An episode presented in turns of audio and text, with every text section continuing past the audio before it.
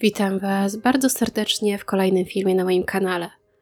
Dzisiaj opowiem Wam historię morderstw aż 11 kobiet, zabitych przez tak zwanego seryjnego mordercę z autostrady w New Bedford. Zapraszam do wysłuchania dzisiejszego odcinka.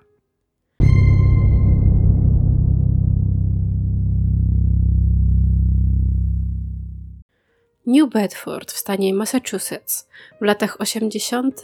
nie było dużym miastem. Liczyło niecałe 100 tysięcy mieszkańców.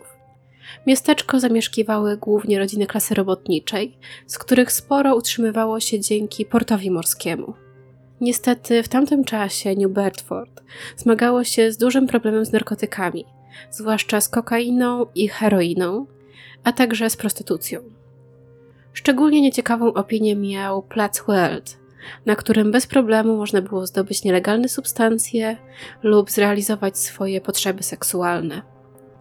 Może właśnie z tego powodu, gdy zaczęły ginąć kobiety związane z tym półświadkiem, początkowo nikt tego nawet nie zauważył.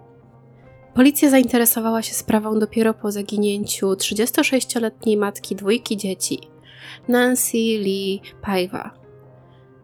Znacznie później okaże się, że Nancy była aż siódmą ofiarą. Nancy jako nastolatka chodziła do szkoły dla sekretarek, ale ją porzuciła. Wyszła za mąż w wieku 19 lat, po czym rozwiodła się i w czasie, gdy zaginęła, miała dwie nastoletnie córki. Mimo, że sama miała dopiero 36 lat, była już nie tylko matką, ale i babcią. Podobno bardzo wspierała swoje córki, mimo że miała problemy z zażywaniem narkotyków. Nie zajmowała się również prostytucją. Nancy po raz ostatni widziana była, gdy wracała do domu z baru 7 lipca 1988 roku, po tym jak pokłóciła się ze swoim chłopakiem, który był znanym policji handlarzem narkotyków. Mężczyzna stosował wobec niej przemoc fizyczną i to właśnie on zgłosił jej zaginięcie, gdy nie miał z nią kontaktu od kilkudziesięciu godzin. Tak samo zresztą, jak nie miały z nią kontaktu jej córki. Jasne, że mogła odejść od chłopaka i mogła nie chcieć mieć z nim niczego wspólnego, ale nigdy nie zostawiłaby swoich dzieci. Nagie ciało Nancy zostało znalezione przez dwóch mężczyzn jadących na motocyklach trzy tygodnie po jej zniknięciu, 30 lipca. Leżało na plecach ze stopami skierowanymi w stronę autostrady międzystanowej numer 195 w kierunku zachodni w Dartmouth. Uważa się, że przyczyną jej śmierci było uduszenie. W tamtym czasie śledczy nie byli jednak w stanie stwierdzić, że znalezione zwłoki to Nancy, ponieważ były już w znacznym stanie rozkładu. Ciepłe lato sprawiło, że szczątki wyglądały na porzucone tam jeszcze wiosną, a nie zaledwie trzy tygodnie wcześniej. Zidentyfikowano ją dopiero w grudniu i od razu powiem, że jej chłopak nie był podejrzany o jej zabójstwo. Ciało Nancy odnaleziono 30 lipca, a niecały miesiąc wcześniej, 3 lipca, znaleziono inne bezimienne zwłoki kobiety. W tamtym czasie policjanci mieli więc do rozwiązania dwie sprawy morderstw kobiet, których imion nie znali. Detektyw John Dextrede zaczął analizować zgłoszenia zaginięć kobiet z miasta i jako pierwszy zasygnalizował, że jest więcej kobiet, które zniknęły w podobnych okolicznościach. Domyślił się, że odpowiedzialny jest za to seryjny morderca i przekonał przełożonych do zwołania grupy zadaniowej we wrześniu 1988 roku. Prawdopodobnie pierwszą zaginioną kobietą była Robin Rose, 29-letnia mieszkanka New Bedford, której zaginięcie zgłosiła jej matka 28 lipca, mimo że nie widziano jej od wiosny, od marca albo kwietnia.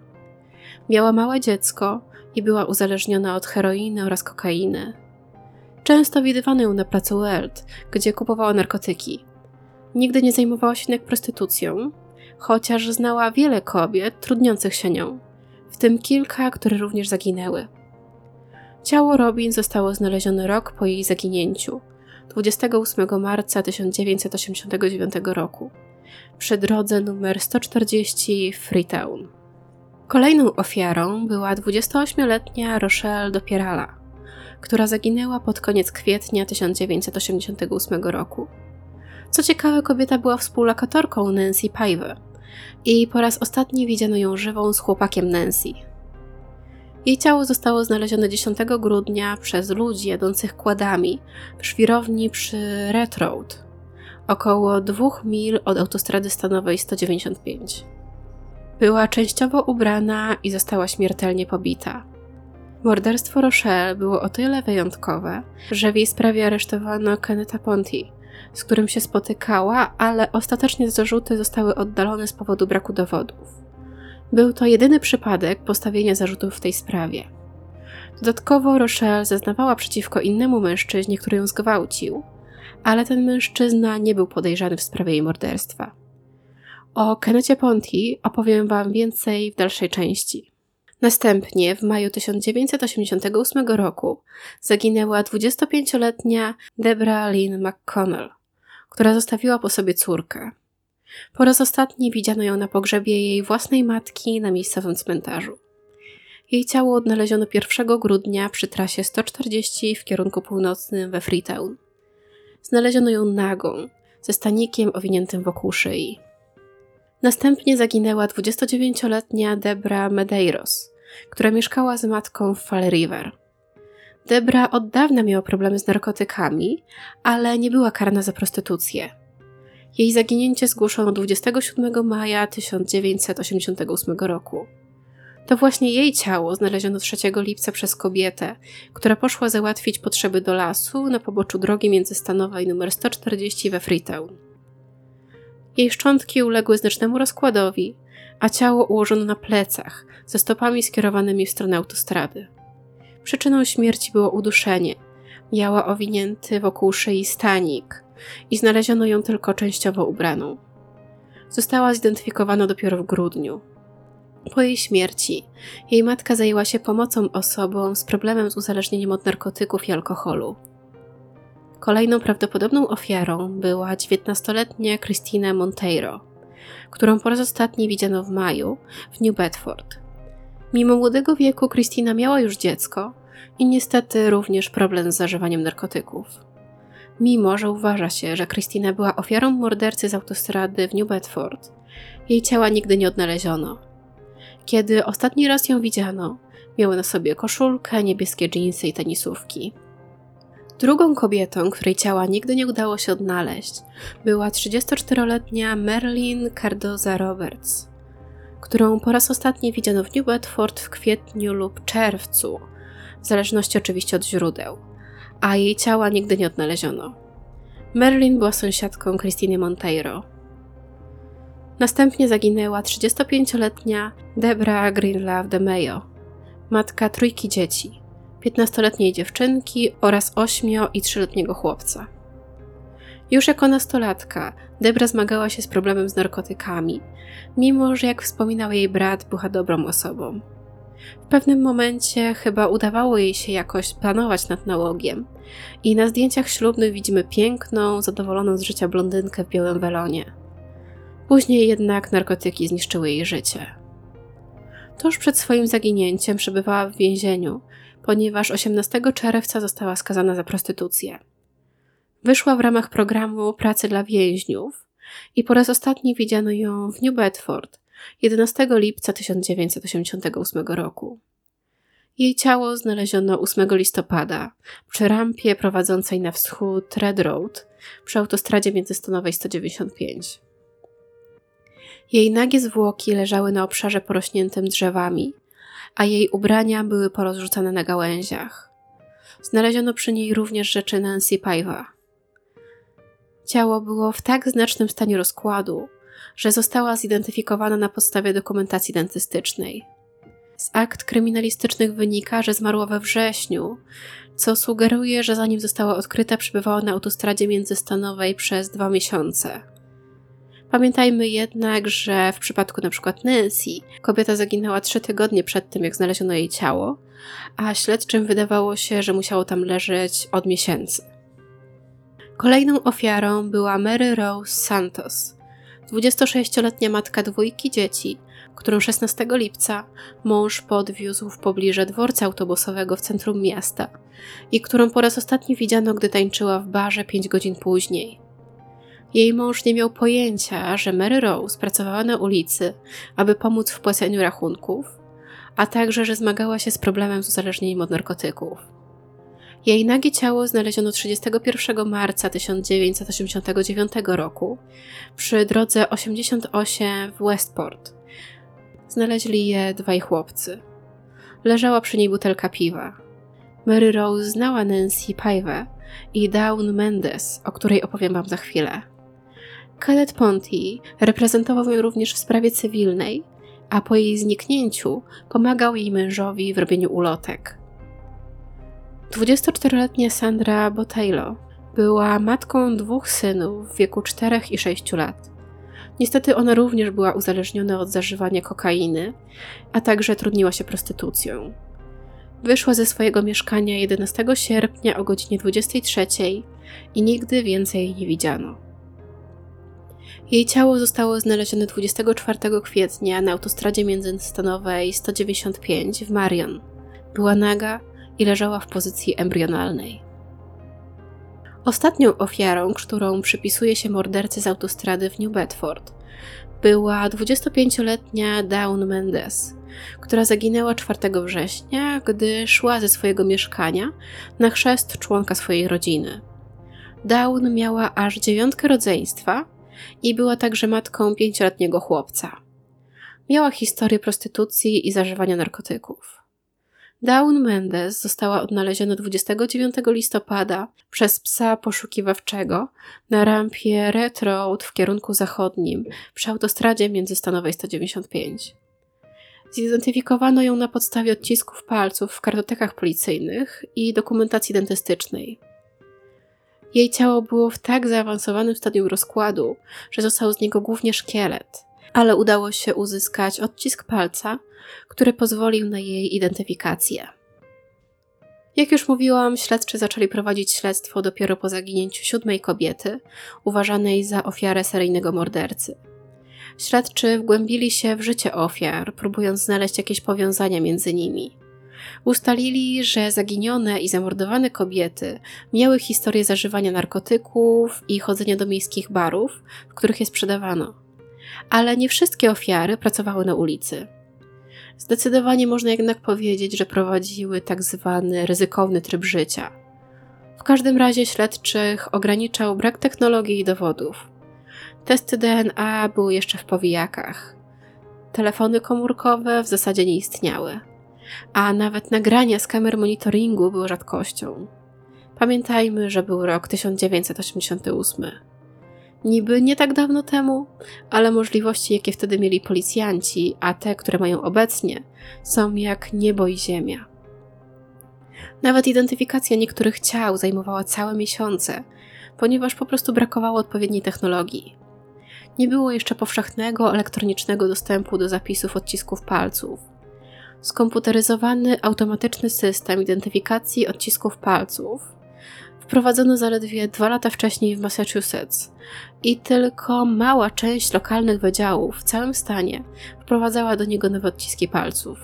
Proces ten był dość pracochłonny. Sprawa została ostatecznie zamknięta, choć do dzisiaj nie wiadomo, kim był morderca. W ciągu kilku miesięcy zabił aż 11 kobiet, aż w pewnym momencie po prostu przestał mordować. Nie wiadomo dlaczego. Wytypowano jednak kilku podejrzanych, o których Wam teraz opowiem. Pierwszym z nich był wspomniany przeze mnie już wcześniej Kenneth Ponty, który był prawnikiem i miał powiązania z wieloma z ofiar. Reprezentował Mary Rose Santos w sprawie cywilnej i pomagał jej mężowi w robieniu ulotek po jej zaginięciu. Pracował też dla Nancy Paiva w sprawie upadłościowej i oprócz tego Nancy pracowała kiedyś w należącej do niego pobliskiej wypożyczalni kaset wideo. Widziano, jak Dawn Mendes wali do jego drzwi w domu, w którym przebywał z Rochelle do Pierala. Robin Rhodes powiedziała kiedyś swojej siostrze, że spotyka się z prawnikiem i okazało się oczywiście, że był nim Kenneth.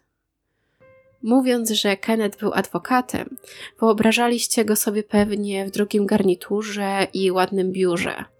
Wykształcony, elokwentny i zamożny. Mężczyzna był jednak dość ekscentryczny. Potem, jak uporał się ze swoim uzależnieniem od narkotyków, poszedł do szkoły prawniczej i zarabiał na życie prowadząc sprawy cywilne i karne niższego szczebla. Chodził w wymiętych garniturach i nadużywał kokainy. Określono go również jako trochę dziwnego. Chociaż patrząc na to, co robił, zapraszając do swojego domu dziewczyny pracujące na ulicach, mi osobiście trudno powiedzieć, że był tylko trochę dziwny czy ekscentryczny. Znalazłam taki cytat na temat jego zachowania. Dziewczyny na ulicach opowiadały historię o jego paranoi, o tym, jak przyprowadzał je do swojego domu, ryglował drzwi i nie pozwalał wyjść. Nie wydawał im się brutalny, po prostu naprawdę dziwny. Ale to nie powstrzymywało dziewcząt od pójścia z nim i żadna z nich nie rozważała wniesienia jakichkolwiek zarzutów. Przecież dał im kokę i nie wydawał się zainteresowany seksem. Jedna z zaproszonych przez niego kobiet twierdziła również, że Kenneth oglądał przy niej film pornograficzny, na którym duszona kobieta wyglądała na martwą. Mężczyzna przeniósł się na Florydę w październiku 1988 roku, więc właściwie w momencie, gdy kobiety z New Bedford przestały znikać. Zaprzeczył jednak jakiemukolwiek udziałowi w zabójstwach, ale ostatecznie 17 sierpnia 1990 roku został oskarżony o zamordowanie Rochelle Dopierala, mimo że nie było wystarczających dowodów, aby go skazać. Nie było niczego, co łączyłoby Keneta bezpośrednio z którymkolwiek z zabójstw. Ostatecznie zarzut został wycofany rok później. W 2010 roku Kenneth Ponty został znaleziony martwy, leżący na dwóch ułożonych na sobie materacach w jego cuchnącym domu w New Bedford. Miał 60 lat. Kenneth nie był jednak jedynym podejrzanym. Podejrzewano również Toniego de Grazia. Dziewczyny pracujące na ulicy opowiadały o mężczyźnie, którego się bały, ponieważ gwałcił je i dusił. Można było go rozpoznać po charakterystycznym, spłaszczonym nosie i dziewczyny wiedziały, aby trzymać się od niego z daleka. Mimo tego, co o nim opowiadano, Tony był podobno głęboko religijny, regularnie modlił się w kościele i uczęszczał na msze. Kiedy w końcu policja przesłuchała go, przyznał się, że w przeszłości dusił dziewczyny, ale zaprzeczył, że kiedykolwiek kogoś zabił. Przeszukano jego dom, zebrano potencjalne dowody i kazano mu stawić się na badaniu wariografem, jednak nigdy tego nie zrobił. Miesiąc później Margaret Medeiros, pracownica seksualna, zeznała, że mężczyzna imieniem Tony podniósł ją i rzucił, gdy poprosiła o pieniądze z góry. Powiedziała: Po prostu rzucił się na moje gardło i próbował, wiesz, skręcić mi kark. Powiedział, że zamierza ze mną zrobić to, co zrobił z innymi sukami. W maju 1989 roku Tonemu postawiono cztery zarzuty gwałtu, napaści seksualnej i pobicia oraz jeden napaści z zamiarem zgwałcenia. Został jednak ostatecznie zwolniony za kaucję i wydaje się, że próbował naprawić swoje życie. Założył firmę kamieniarską, przeszedł operację nosa i tymczasowo zamieszkał na plebanii swojego kościoła. Jednak niecały rok po jego wyjściu za kaucją oskarżono go o atak na prostytutkę, którą rzekomo próbował udusić w swoim samochodzie. Popełnił samobójstwo w lipcu 1991 roku.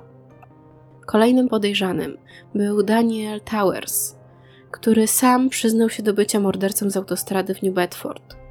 Daniel przebywał w więzieniu za zamordowanie własnej matki i wysłał list z pogróżkami do jednego z pracowników więzienia, pośrednio przyznając się w nim do odpowiedzialności za zabójstwo na autostradzie. Nigdy nie udało się jednak udowodnić, że to właśnie on zabił 11 kobiet, o których opowiadałam. Istnieje również teoria, że za morderstwa odpowiada tzw. Tak rozpruwacz z Lizbony. W tamtym czasie jedna trzecia mieszkańców New Bedford była pochodzenia portugalskiego. Stąd teoria, że rozpruwacz mógł przyjechać na przykład do rodziny na kilka miesięcy w 1988 i zabić 11 kobiet, po czym po prostu wrócił do Lizbony. W latach 1992-93 w Lizbonie trzy prostytutki zostały zabite i wypatroszone przy użyciu narzędzia innego niż nóż, a dwie inne pracownice seksualne zostały zastrzelone. W marcu 1993 roku dwóch detektywów z portugalskiej policji przybyło nawet do New Bedford, aby zebrać informacje na temat zabójstw na autostradzie, podczas gdy dwóch agentów FBI udało się do Lizbony. Morderstwa w Lizbonie powiązano także z czterema podobnymi zabójstwami, które miały miejsce w Belgii, Holandii, Danii i Czechach w latach 1993-97. Więc wysnuto teorię, że rozpruwacz z Lizbony był kierowcą ciężarówki jeżdżącym w trasy po Europie. Podobnie jednak jak w przypadku mordercy z New Bedford, nigdy nie udało się ustalić jego tożsamości. Co dość ciekawe, w 2011 roku 21-letni Joel zgłosił się do udziału w portugalskiej edycji reality show, w którym uczestnicy próbują odgadnąć cudze sekrety, ukrywając własne. Sekretem Joela było to, że jego ojciec, Jose Pedro Guedes, był rozpruwaczem z Lizbony. Guedes został aresztowany i przyznał się do trzech zabójstw, ale nie mógł stanąć przed sądem, ponieważ w Portugalii morderstwa przedawniają się już po 15 latach. Nie wiadomo jednak, czy mężczyzna kiedykolwiek przebywał w Stanach Zjednoczonych. I to już wszystko, co dla Was dzisiaj przygotowałam. Jasne, że można powiedzieć, że zamordowane kobiety prowadziły ryzykowny tryb życia, zażywały narkotyki i niektóre z nich trudniły się prostytucją. Pamiętajmy jednak, że wciąż były czyimiś córkami, siostrami i przyjaciółkami. Zostawiły po sobie łącznie 15 dzieci. 15 dzieci, którym odebrano matkę i które musiały iść przez życie bez nich. Nie wiadomo, kto był mordercą i dlaczego tak nagle, jak zaczął mordować, przestał to robić. Czy trafił do więzienia, zmarł, czy przeprowadził się gdzieś, gdzie dalej zabijał. Jestem bardzo ciekawa, co myślicie o tej sprawie. Dajcie koniecznie znać w komentarzach. A tymczasem trzymajcie się bezpiecznie i do usłyszenia już niedługo.